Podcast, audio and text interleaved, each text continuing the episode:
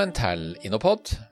Du er nå inne i podkasten til Innoco, som er et innovasjonsselskap.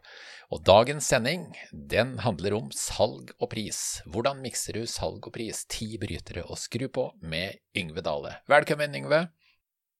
Hei sann, Sjur. Hei, eh, og til deg som er lytter, Yngve er min eh, gamle kollega. Vi har jobba sammen, og vi har skrevet bøker sammen. Men jeg må si en ting, Yngve. Første gangen jeg så deg, da var jeg på en konferanse i Mo i Rana. Og du, du husker det kanskje?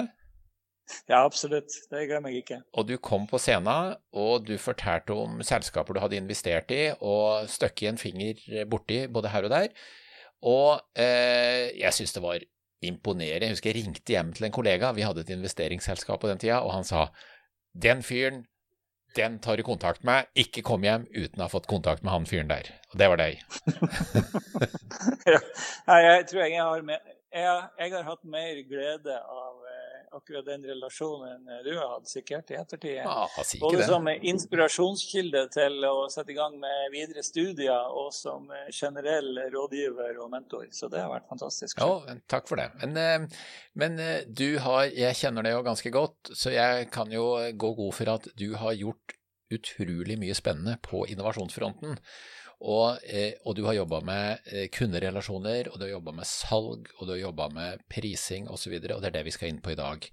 Så eh, jeg sier bare arenaen er din, Yngve. Eh, ja. Fortell. Ja, jeg har tenkt å starte jeg tenkte litt på det, jeg fikk denne oppgaven av deg, så jeg tenkte å starte litt med forretningsmodellen. Sant? Den kjenner vi jo godt til. Det ja. har vi jo snakka om før. Og eh, I Norge så er det jo sånn at man nesten uansett hva man skal gjøre for noen ting av entreprenørskap, så er det første man gjør, at man setter seg ned og så prøver man å sette noen sånne lapper inn på en, en eller annen vegg. Eh, på en, sånn her, en, en eller annen forretningsmodell, canvas, ut av ett slag eller en annen. Ja, ja. Og eh, skjer jo, Jeg kan bare begynne sånn generelt. Det, det, som, litt, det som, jeg syns kanskje er litt interessant, er at man, man kanskje gjør det der litt sånn mekanisk.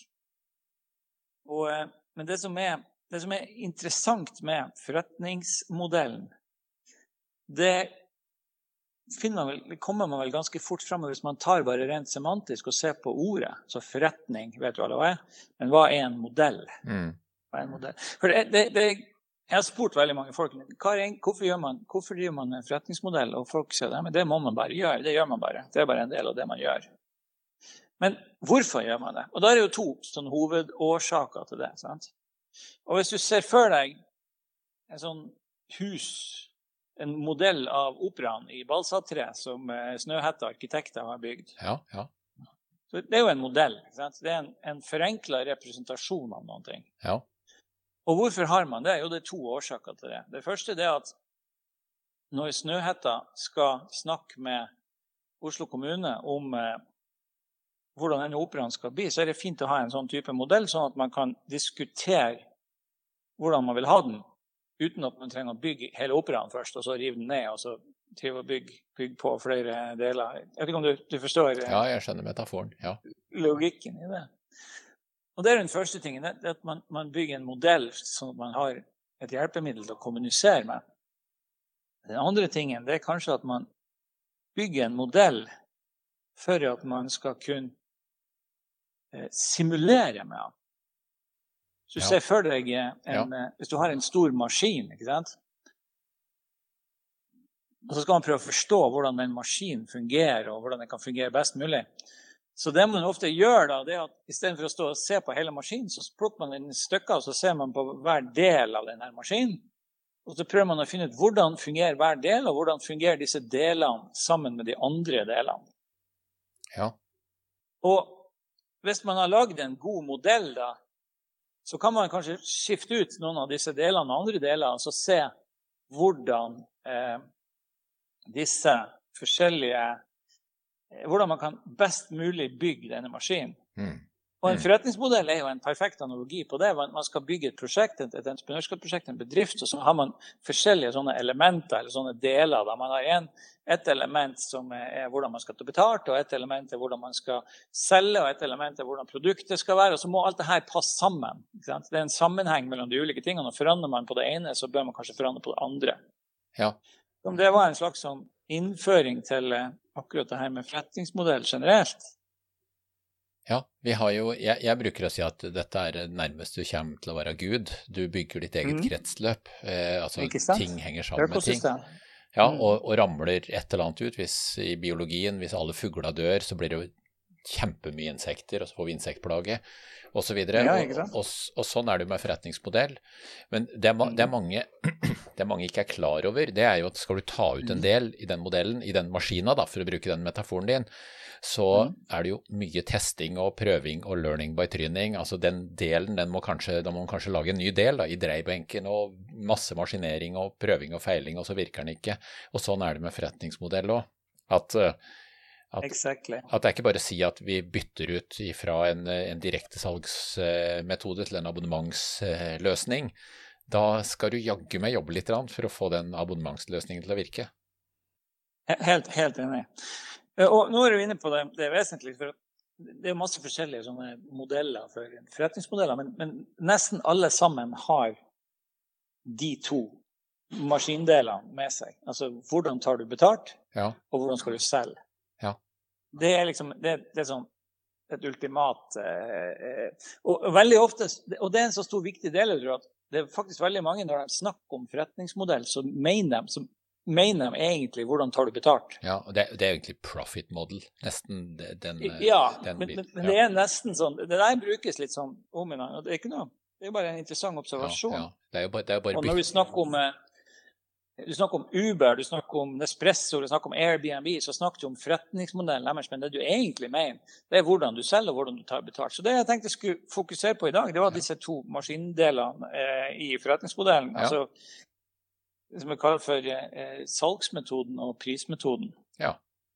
Bytte, bytte, egentlig bytte, bytteforholdet du driver med der. Ja, bare sånn hvordan, hvordan, kan du, når du driver og utvikler et prosjekt eller forbedrer et prosjekt, kanskje nå etter covid-19, så er det sånn at man skal prøve å finne ut ok, hvordan snur vi oss rundt og gjør ting nå, da? Mm. Så er det, det, er, noen, er ganske mange som sitter og strir med akkurat den problemstillingen der. Hvordan skal vi selge, og hvordan skal vi ta betalt? Ja. Og det vi har bygd, det er en slags mikser, da. Se på det som en sånn uh, gammel Niv-mikser i et musikkstudio, ja, der du kan skru opp bassen og skru ned ja. En gammel miksepult, ja, der ja. du kan skru ned ting. Og denne miksepulten vår den har ti brytere. Fire brytere som har med salg å gjøre, og seks brytere som har med pris å gjøre. Ja. Så eh, jeg er litt usikker på hvor lett det er å begripe det her når man ikke får, se, når man ikke får lov til å se eh, illustrasjoner her, men det er litt artig, litt artig utfordring. Det blir omtrent som å ha ti brytere foran seg, hvor du kan, kanskje hvor du kan slå på og av de ulike? Ja, jeg ser på dem som sånn at du kan skyve dem opp og ned. Så ja, ja, ja, ok. Skyve, ti skyvebrytere, Ja. Ti, ti skyvepottmeter. Og eh, det som er utgangspunktet mitt, det er at jeg tenker det, det aller viktigste spørsmålet du skal stille når du skal jobbe med pris- og salgsmodeller sammen, det er Har bedriften din eller har prosjektet ditt kundefokus eller produktfokus? Og det er veldig sånn det høres ut som sånn at ja, nei, det er bedre med, med kundefokus enn produktfokus. Men, men, men, det som er utgangspunktet, det er jo hvor komplisert er det problemet som du skal løse for kunden din? Ja. Er det problemet superenkelt, og så enkelt at du kan løse det bare med å gi kunden ett produkt eller én tjeneste? Så vil jeg si, Da har du sånn typisk produktfokus. Kunden har et problem. Du kan løse det med å gi eh, vedkommende ett produkt og det du må gjøre for å lykkes med salget, det er at du må kommunisere ditt, ditt, din USP, da, eller ditt, ja. hvorfor ditt produkt er bedre enn konkurrenten sitt produkt. Det unike salgspunktet. Ja. ja. Så på andre sida kanskje så har kunden en ganske komplisert utfordring. Og den utfordringen er kanskje så komplisert at den lar seg ikke løse bare med å, å, å gi han ett produkt eller én tjeneste. Men du må kanskje sette sammen flere eh, produkter og tjenester. Kanskje du til og, med, til og med må utvikle skreddersydde produkter og tjenester for å løse utfordringer til kunden. Og kanskje du i enkelte tilfeller til og med må gjøre det sammen med kunden. altså Du må samskape med kunden. Ja.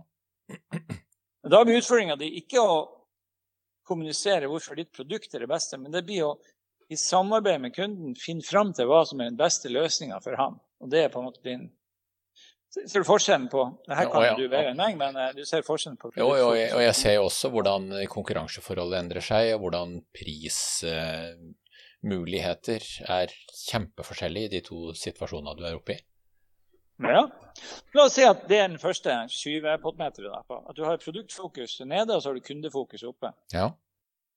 Og det neste eh, sånn miks, 20-pottmeteret på denne salgsmikseren, det kan være f.eks. at du sier om du har et standardisert produkt helt nede, eller du har et kundetilpassa produkt helt oppe. Alle kundene får det samme produktet, eller om du kan tilpasse, om du må tilpasse og, og, og spesialskreddersy produktet for hver kunde. Ja, riktig. Ja. ja. Det tredje det er hvorvidt du har et reaktivt salg eller om du har et proaktivt salg.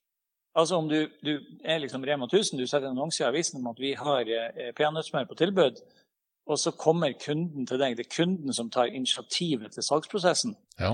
Eller om du har et proaktivt salg, at du finner fram til kunden. Du finner ut hvem kunden er, og så tar du kontakt med vedkommende, og så prøver du å selge til eh, vedkommende kunde. Ja, ja.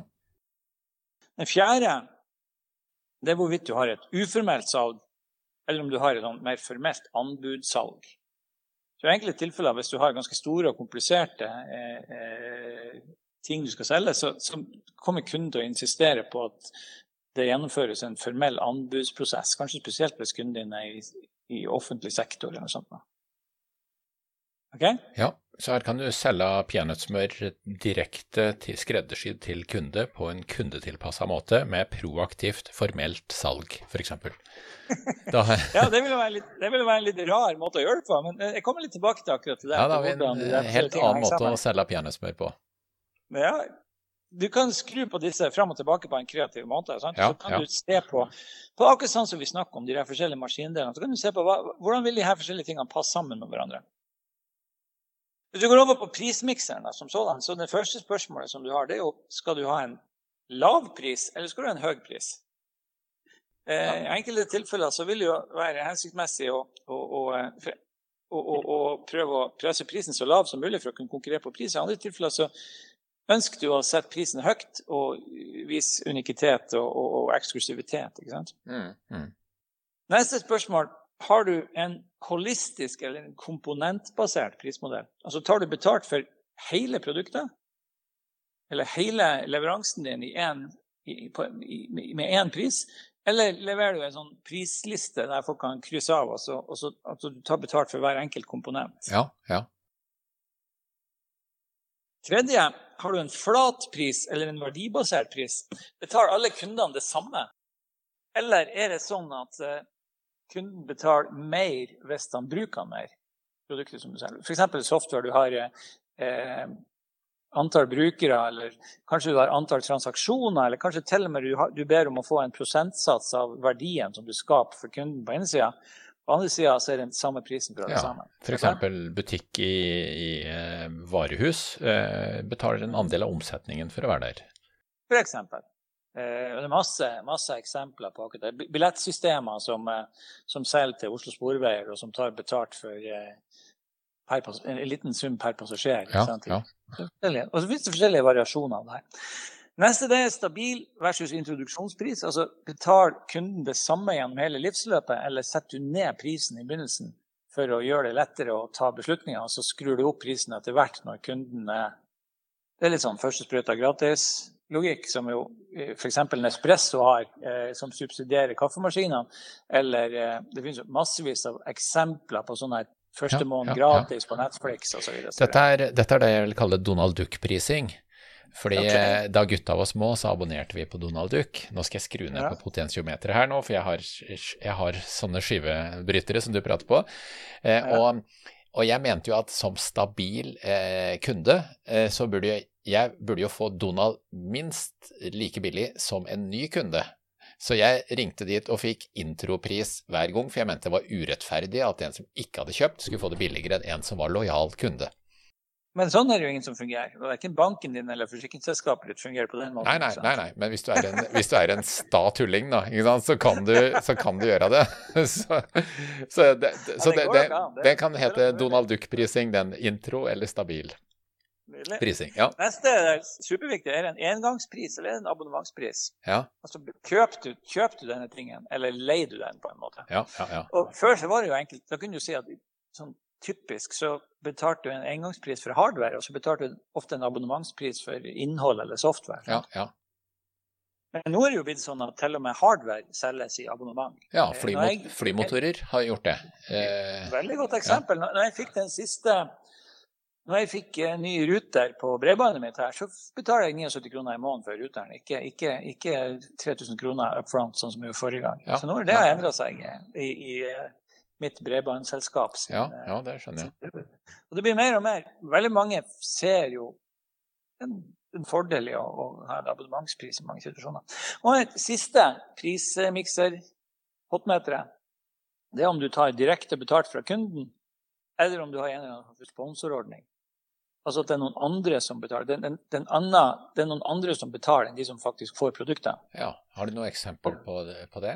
Nesten alt. YouTube, Facebook. Altså ja. alt som er reklamefinansiert. Ja, riktig. Ja, ja. Alle, alle, alle, alle, salg som går eh, der foreldre har kjøpt ting til ungene sine. Det er en million forskjellige variasjoner. Altså, du, du, lar noen, du lar noen andre betale, og så lar du de folka få lov til å plage deg?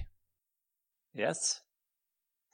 Og da har vi ti brytere som vi kan sette i ti forskjellige posisjoner. Da kan du som er, som er ingeniør du kan eh, regne ut hvor mange muligheter man får ut av det der. Herlig, ja.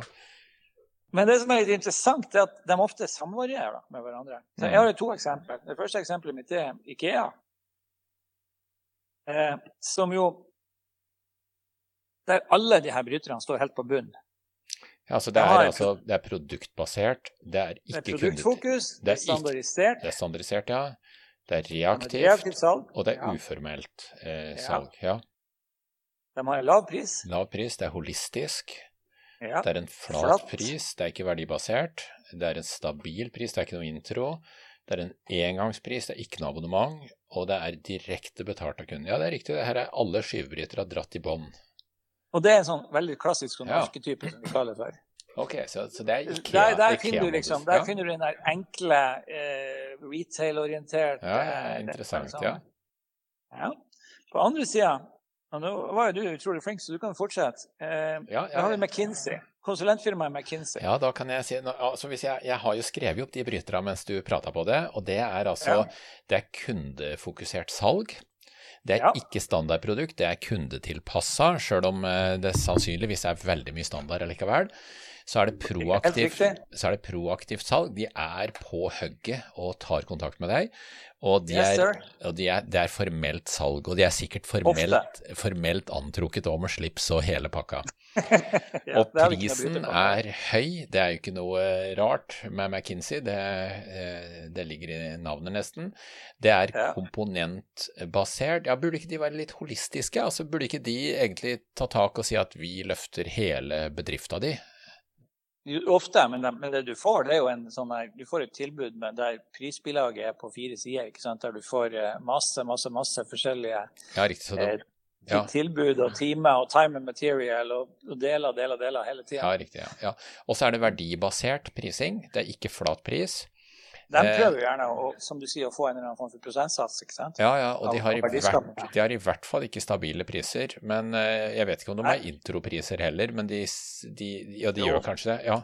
Det, det ja, det er i hvert fall mitt inntrykk. Ja, ja også, også, abonnement. De vil jo sannsynligvis prøve å komme tilbake, så det å komme over på abonnement i stedet for engangs, eh, vil jeg gjette på at McKinsey vil synes er veldig aktuelt. Ja. Den siste med sponsor kontra direkte Ja, Den vet jeg ikke helt hvordan nei. den er på McKinsey. Men, uh... nei, nei, det kan hende at den, den står ned. sånn at Det er ikke sikkert alt står i topp, da. Nei, og, og, forskjellige selskaper. Vi, vi, kan gå gjennom massevis av selskaper. Og så kan vi prøve å liksom analysere arketypen. sånn cirka Hvor står de her forskjellige bryterne? Ja, ja, ja. Og, og, og, aller viktigst og mest interessant er at når du skal utvikle ditt selskap, så kan du se på det her, og så kan du skru opp og ned på det, så kan du tenke hm, hvordan kommer dit på å påvirke hverandre? Ja. Hvis jeg har en veldig tilpassa, et veldig tilpassa produkt, Er det da veldig enkelt å ha veldig lav pris? Nei, sannsynligvis ikke. Går det an å finne en måte å kombinere et veldig tilpassa produkt med en lav pris, ja, da må vi kanskje gjøre andre grep på de andre bryterne. Og, Ja, ja, og kanskje vi må gjøre andre ting. Ja. Og aller mest interessant, da, hvis du ser at det her kanskje veldig ofte er kjernen i, spesielt i videreutvikling av etablerte bedrifter, det å, å, å, forbedre og tilpasse disse bryterne, altså denne, ja, ja. denne pris- og, og, og salgsmetodikken. Er, det, er, dette her, man, eh, er dette beskrevet noe sted? Eh, ja, i, til en viss grad i den siste boka mi som heter 'Entreprenørskap', en liten praktisk håndbok. Ja, ok. Så, sånn at hvis noen Eh. ønsker å se det visuelt og lese mer om det, så er det en praktisk håndbok i entreprenørskap av Mm. Yngve Dale. Det er meg, ja, vet du. Ja. God hjelp fra deg, fra deg blant annet.